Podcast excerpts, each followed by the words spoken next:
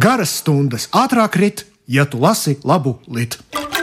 Cienījamie lasītāji, Etīdes par literatūru sarunas ar tulkotājiem, lasījumi un analīze.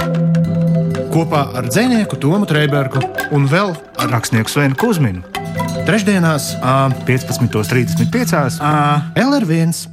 Labdien, cienījamie lasītāji! Labdien!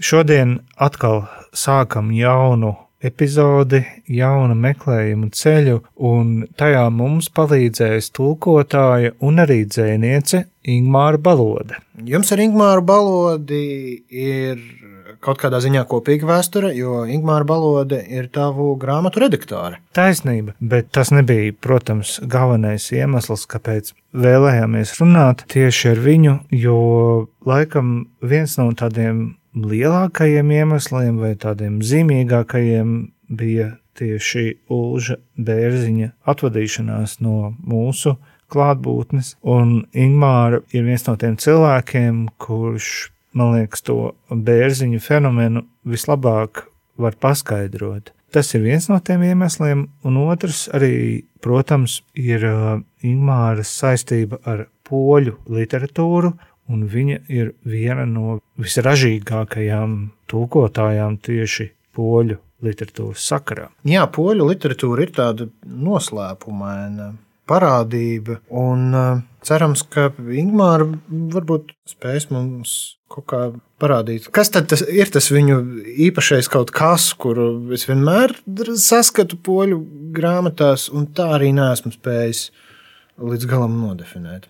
Nu, jā, būtībā mums arī būs viss aprīlis priekšā, lai uzzinātu šo te poļu literatūras fenomenu. Pirms pievēršamies sarunai ar pašu Ingmāru, pāris biogrāfiskas ievilces. Ingmāra ir studējusi poļu valodu un kultūru Latvijas Kultūras Akadēmijā, darbojusies radio naba raidījumā Bronhīts un bijusi arī interneta žurnāla Satorija un apgāda Mansards redaktore. Un pateicoties Ingmārai latviski, lasāmi tādi autori kā Hanna Krāla, Mikolais Ložiņskis, Dorota Maslovska, Slavamirs Mrožeks, Ādams Zagajevskis un citi. Savukārt dzējā Ingmāra debitē 2007. gadā ar krājumu Ledenes, ar kurām var sagriezt mēli, un gan šis, gan arī 2012. gadā publicētais krājums Alba ir ieguvis Latvijas literatūras gada balvu. Un pērn apgādā neputns iznāca jaunākais Ingmārs dzējas krājums dzējoļi pēc mūsu ēras, un Artis Ostups, kas ir krājuma redaktors, Ingmārs dzēju vērtē šādi. Autori meistarīgi apvieno pilsētnieces vērojumus un pārdzīvojumus, nereti mums tik ļoti pazīstamus ar plašu kultūras citātu klāstu, kas nemirkli nav pašmērķīgs. Jaunākais darbs tulkošanas lauciņā poļu mākslinieka, eseju un bērnu grāmatu autora Marcina Vihas eseju krājums Lietas, kuras es neizsviedu, kurš nulle iznāca izdevniecībā Mansards. Bet tagad sarunāsimies ar Ingmāru Balodi. Jā, spiežam pogas, un viss notiek. Jā.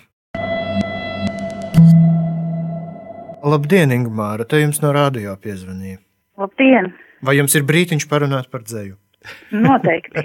Varbūt mēs varam iesākt mūsu sarunu ar uh, Ulu Bērziņu un viņa milzīgo atstāto tukšumu, jo es arī pamanīju, ka tu viņu sajūti, to tukšumu no tava ieraksta Facebookā.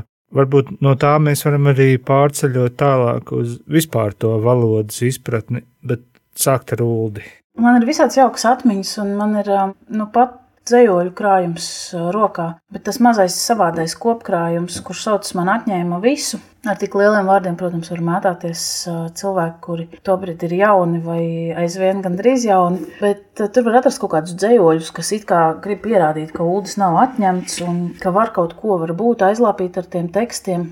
Un, kā es dzirdēju, sakām Ielu Šinsku, ka tas cilvēks, kurš ir atstājis tekstus un tulkojis, tas ULDIS, tas jau mums paliek. Bet mums pietrūkst tā cilvēka, ar kuru var parunāties un kurš ar tādu pretimnākšanu un milzīgu uzticēšanos dalās savās zināšanās, piedzīvojumos, gudrībā, pat uzdod jautājumus, liekas cilvēkiem, kas, nu, ko nu mēs tur daudz varam atbildēt ULDIM, arī tajā situācijā, kurā vēl atbildēt varēja. Man tā, tā viņa atvērtība sarunām vispār šķiet tāda apbrīnojama.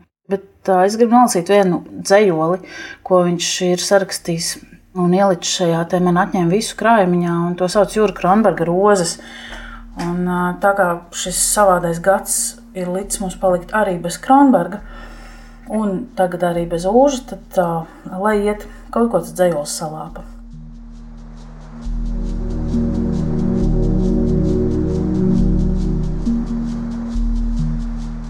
Puikas raugās manī viltīgām, piedodošām acīm. Viņi iet katru dienu tur, kur man ieiet liekts, savā nākotnē, tur, kur manis vairs nav. Cik noslēpumaini nākotnes spoguļo viņu teleskopiskajās acīs. Viss bijums mans - 6006 miljardi gadu, pie viņiem man ieiet liekts. Vannas istabā spoguļu teleskops raugās manī lustrainām acīm kā garnelē krevetei. Alfabēts atkal sāk kālēties, Zojai Rīgas garkājai garmēlē krievietē nepatīk rozes.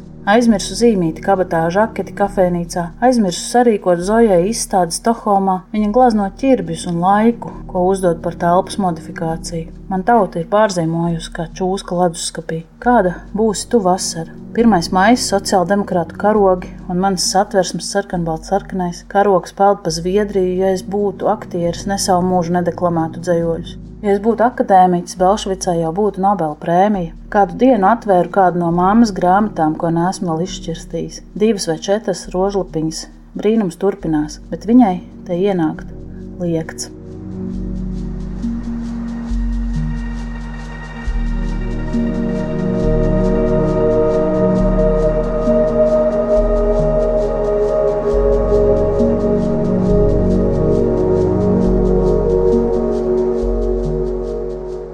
89. gada dzējolis, kurš man ļauj mazliet ticēt, ka daudzi no ūdens brīnumiem turpināsies.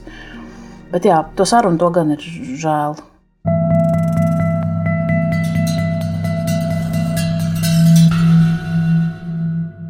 Es noteikti neesmu cilvēks, kurš valodas varētu kā Ulds teica, ēst, bet uh, es pilnīgi noteikti ticu, ka viņas ir iespējams piesavināties. Un, um, tagad man ir tāda sajūta, ka es esmu parādā kaut kādus čehu dzējas atzījumus, jo vārnīcu viņš man iedeva. Un vispār jau, ja pastaigā kādas dienas, dažas pa Prāgu, tad jau arī galvā sāk atbildes formulēties čehu valodā. Bet es domāju, ka man tur aizvien vēl ir diezgan vērienīgs poļu akcents visās arī metaforiskajās nozīmēs. Nu tā, redzēsim. Pastāsti, lūdzu, ko nozīmē piesavināties valodu? Piesavināties valodu nozīmē pārstāt uztraukties, cik tu esi viņai tāls vai tūs, pārstāt uztraukties, vai to es tagad lietoju vārdu viņa pirmajā vai otrajā nozīmē, pārstāt faktiski uztraukties arī par to, ka tev varbūt uh, viss izklausās tā, it kā tu būtu audzis šīs valodas zemes tālākajā nomalē, vai, teiksim, viss mazliet vīpsnā par tā aristokrātisko piestienu, jo mācījies to piemēram, pie vecā kaluma pasniedzēja. Šīs dažādas lietas, ar ko mēs it kā sevi apkraujam, citās dzīves plāksnēs mēs viņus varētu saukt par kompleksiem vai tam līdzīgi, bet uh, tajā brīdī, kad tu tajā valodā sāc elpot, tu arī runā brīvāk, tu domā brīvāk, protams, lai rakstītu jēdzīgi un visi burtiņi ar visām astēm būtu savās vietās, tad tas tik un tā prasa zināmu centību un um, tādu spēju kaut kā to visu klasificēt savā galvā. Bet man liekas, tas, ko Ulds deva, arī visu laiku lika manīt citiem, ir, ka vajag to drosmi, to vēlmi piesavināties. Nevis tikai bijību, vai nevis tikai uh, uzcītību, bet tādu lasīšanu, alkatīgu pļāpāšanu ar visiem, no pārdevēja līdz mazam bērnam, akadēmiķim un, un, un dziniekam. Kaut kā to visu sapludinot kopā un noticot visu šo valodu veidu, visu valodu slāņu, visu valodu jaunumu, vecumu, vienlaikus esamībai. Bet tur bija divi jēdzieni. Tur bija ēst valodu un piesavināties valodu. Valodas ēšana ir kaut kas vēl, tas ir vēl kaut kāds cits process, kā Uldis to dēvēja. Ja tas vienkārši ilustrē to kāri pēc valodas, pēc zināšanām. Jā. Man šķiet, ka tas ilustrē kāri un arī tādu nu, kaut kādu nepastarpinātību, lai cik šis vārds būtu arī savāds. Tā valodēšana bija no vienas intervijas, kas bija dienā un ko tagad Protams, kad īstās sarunas vairs nav piestiķējamas un nav pat vairs kaut kur, tad jau kādreiz, kad jutīsies labāk, vai kad beigsies pandēmija, kad vairs nav pat šīs dimensijas, tad nu, mēs tveramies pie tiem tekstiem, kas ir. Un vienā no intervijām dienai bija tāds izsaukums, ka es varētu ēst tās valodas. Es savukārt atceros, ka reiz tādā uzcītībā es viņu gribēju intervēt un intervēju arī par atzījumiem. Vienādus jautājumus uzdodot um, no tam skujniekam, Uldim un Leonam Briedim. Un tad es laikam biju jautājusi, kāda ir pirmā valoda, ko viņš mācījās apzināti vai tam līdzīgi. Un tā atbilde bija tik ļoti ūdiska, ka es sapratu, ka mans akadēmiskais darbs noteikti neizskatīsies stīvs un akadēmisks, ja tur būs šāds atbildes. Proti, vai Dievs ir valodas mācījies? Ko nozīmē valodas mācīties? Nu, un tad tālāk tāda reizē dzēja proza un teorija. Bet uh, man šķiet, tā ir tā bagātības apziņa, ka mums tās valodas ir pieejamas un ka atliek vienkārši darīt. Ir jau arī vēl viens milzis, kas ir Ādams Zagajevskis. Laikam viņš nav tik ļoti popularizēts, bet tik un tā viņa dzēja tavā atveidojumā latviešu valodā ir latviešu lasītājiem pieejama, varbūt pāris vārdus par viņu.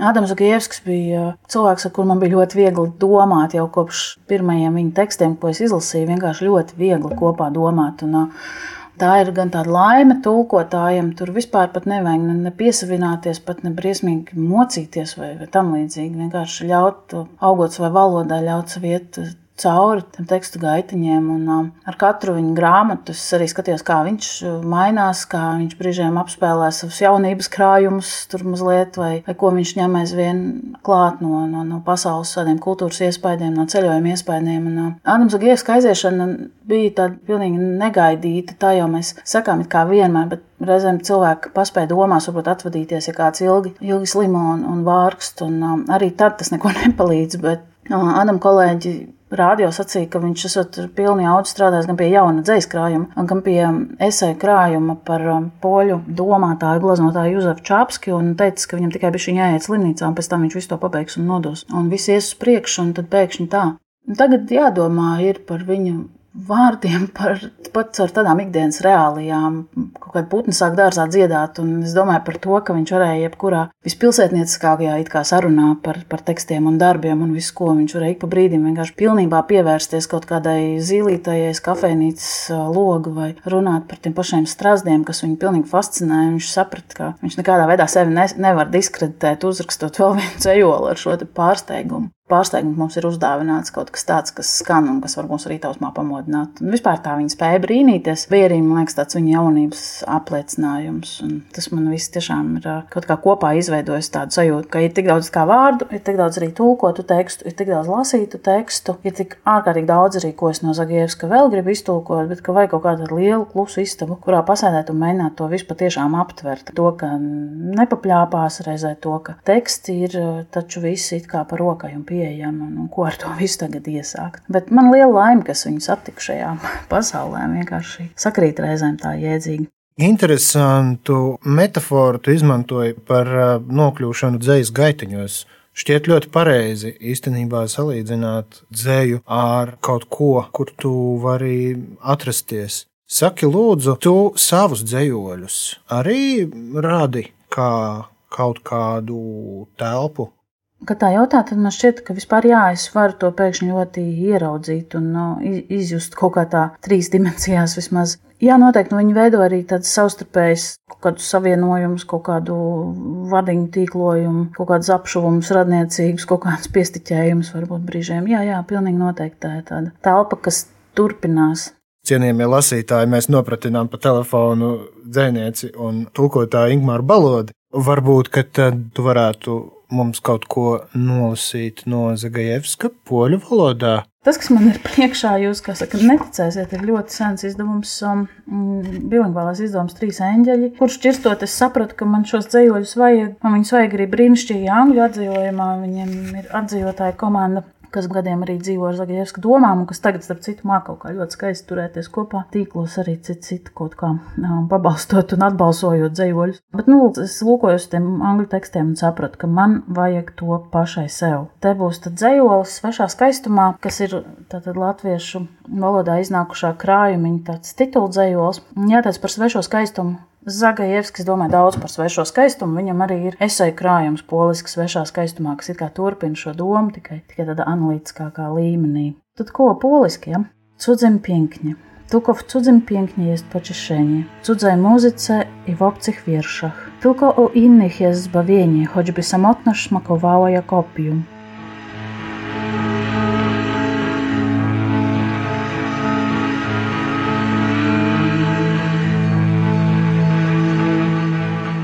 Tikai svešā skaistumā ir mierinājums, svešā mūzikā un svešos dzējoļos. Tikai citos ir pestīšana, lai arī vientulība garšo kā opijas. Tie citi nav elle, paskaties viņos no rīta, kad sapņi ir nomazgājuši pieres tīres. Tādēļ es ilgi domāju, kādu vārdu izvēlēties - viņš vai tu. Katrs viņš ir nodots tu, toties svešā dzējolī, uzticīgi gaida vēsa saruna.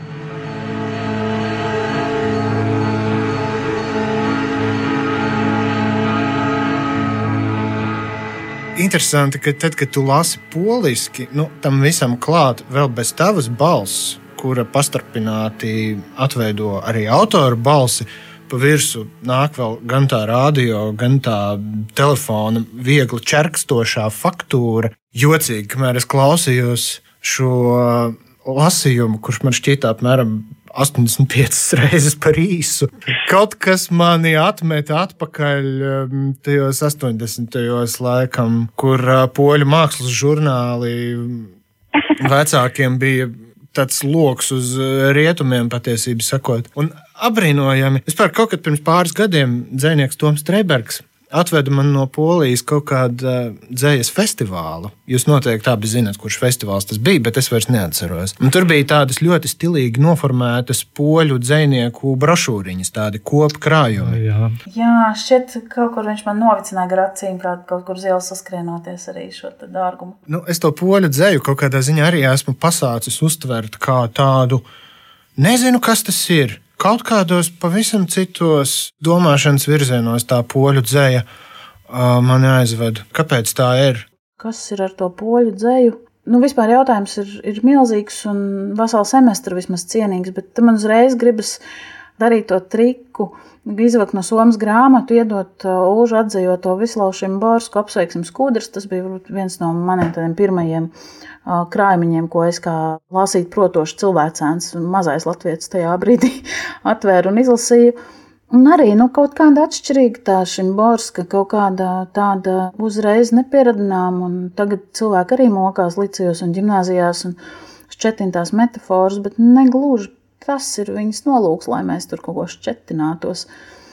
Vienkārši mēs iemācāmies, pakāpjamies mazliet, varbūt to brīdi uz ķeblīšu, lai iemācītos runāt viņas valodā, un tad, kad mēs to varam, tad viņi mums dod, dod, dod un dod. Un tā faktiski ir ar, ar visiem lieliem dziniekiem. Nu, kaut kāda piepūle tas no mums prasa. Un varbūt tas, ka poļu dzēja prasa mazliet atšķirīgu piepūli, ka mu- mūsu smadzenes ir izlocīts. Es teiktu, ka poļi zina, viņi apzinās, poļu dzinieki arī dzird, ka viņi saspēlē un sabalso ar visu pasauli. Ka viņi var lietot, protams, arī latviešiem tas nav liekts, un, un, un Ūdens ir viens no brīnišķīgākajiem piemēriem, kurš to apliecina. Bet, ka tev pieder it kā viss pasaules kultūras atsauču lokus, ko tu no tā paņem, to tu paņem, tu vari ņemt vienu un neņemt citu. Tu vienmēr vari būt tuvāks antiko laiku, teiksim, piedāvātiem simboliem, metaforām, lieliem narratīviem, ko iepīt savā, kā tas ir piemēram ar nereti Zbigņeva Herberta dzējā. Tas var būt ļoti savā laikmetā iestiprināts, bet reizē arī no visa ņemošais Šimborskas pieejams, un tas var būt Česlavs Milošs, kurš uztaisa tādu lielu distanci it kā, it kā no visa un skatās mazliet, brīžiem viņam pat to pārmeta, ka no tādas arī demiurga pozīcijas. Viņi zina, ka tas ir atšķetināms, nolasāms un reizē barojas no, no, no visas pasaules tāda tekstuālā kultūras pieredzes lauka. zinu, ka tev ir arī jaunais lasītājs, kā viņam sokas. Viņam šobrīd ir tāds zelta vidusceļš, man šķiet. Atšķirībā no citiem manā dzīvē sastaptiem arī bērniem. Tiksim, mans brālis, manuprāt, ilgi izlikās, ka viņš neprot lasīt, lai viņam ilgāk lasītu priekšā. Un tad reiz viņš bija kaut ko noziedzis, un viņš palika bez vakara pasakas, un sēžā istabā, un viņš lasa pats.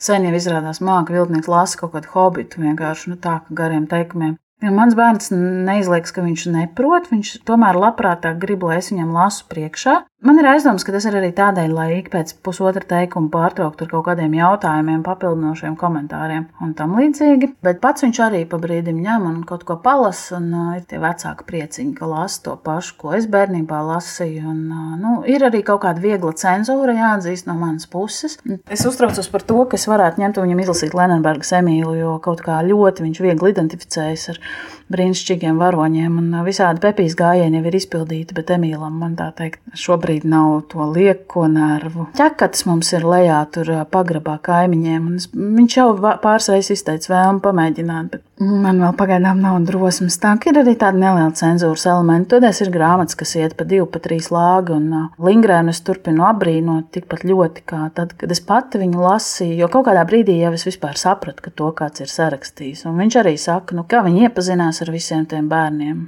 Nu, kā var tā iepazīties reizē ar Pepiju un uzrakstīt par viņu grāmatu? Nu, vispār forši redzēt, ka tā rakstnieka darbs kā, nu, ir skaidrs, ka tas ir kaut kāds darbs vai vienkārši kā kaitinoša aizņemtība, bet reizē arī pilnībā pieņem to rakstnieka radīto pasauli.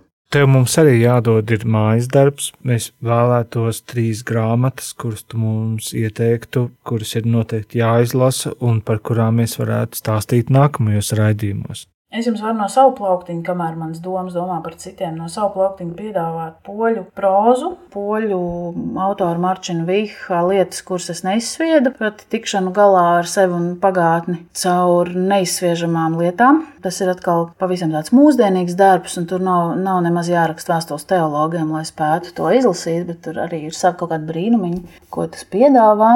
Zagajevski vajadzētu, protams, bet kur viņi tagad kāds dabūs brīnišķīgu krājumu ar Zigmundu Lapas vāku nosaukumu svešā skaistumā? Mums ir ja ļoti būs, garas noteikti. rokas. Ja tā būs, tad noteikti. Šis man atgādina kādu dāņu tulkotāju teikto. Viņš teica, tulkotājiem tāpat kā bērniem reizēm izaug ļoti garas rokas, ļoti ātri. Tas man iedvesmo. Un tad, protams, ja kādam ir laiks tagad pavasara gaišajos vakaros, un tāda jauda un gribas pārcelties zem Kastīlijas saules, tad dziesma par manu sīdu, tad ūda lielo darbu, nu jau jāsaka pēdējo lielo tādu grāmatā ielikto atzījumu. Tur ir iespēja gan izceļoties tekstā, gan ar mani zelču interesanti saliktajā tajā mākslinieckajā ceļojumā, kas kaut kādā ziņā apliecina to, ko Ulds vienmēr arī uzsver, ka visu laiku notiek vienlaika visu laiku. Mums nevajadzētu tik ļoti dalīt pa tiem modiem, un tas tur ir vecs teksts, un tas ir sens teksts, un mēs jau tagad maziņi un neko nesapratīsim. Galu galā, ja viņš varēja ņemt un atzējot no, no senkas stīlēšiem šo brīnišķīgo garu poēmu, epu, tad mēs varam arī to izlasīt. Trīs, četri. Paldies! bija ļoti. Viens, divi, paldies! Jā, tas tiešām bija ārkārtīgi interesanti. Paldies! Cienījamie lasītāji, lūk, šāda mūsu saruna ar tulkotāju un arī dzēnieci Ingmāru Balodi. Tur laikam ir tas fenomens, ka literatūra, jebkurā žanrā, viņa ir kā tas cements starp cilvēkiem, nu, kurš savieno kopā. Arī ja mēs esam tikai ar telefonu atstarpi. Tā telefona atstarpe, viņa, tas noteikti nav trūkums, tas ir kaut kāds jauns režīms, kurš varbūt atceļ kaut kādus tiešsaistes eh, noteikumus, kas ir tad, kad mēs esam blakus, kad mēs viens otru redzam un uztveram nu, ne tikai ar acīm un ausīm. Ne? Kaut kā pēkšņi nezinu, laiks pārstāja darboties, kad runā šādā formātā. Kaut kas tur tāds ir. Man bija tāds sajūta, ka es runāju brīžiem nevis ar, Ing... jā, nevis ar Ingūru, bet ar dzēju kā tādu.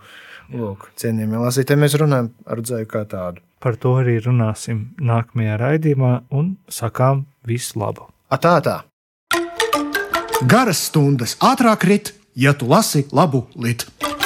Cienījamie lasītāji, etīdes par literatūru, sarunas ar tulkotājiem, lasījumi un analīze. kopā ar dzinieku Tomu Trēbergu un vēl ar rakstnieku Svenu Kusminu. Trešdienās, 15.35. LR1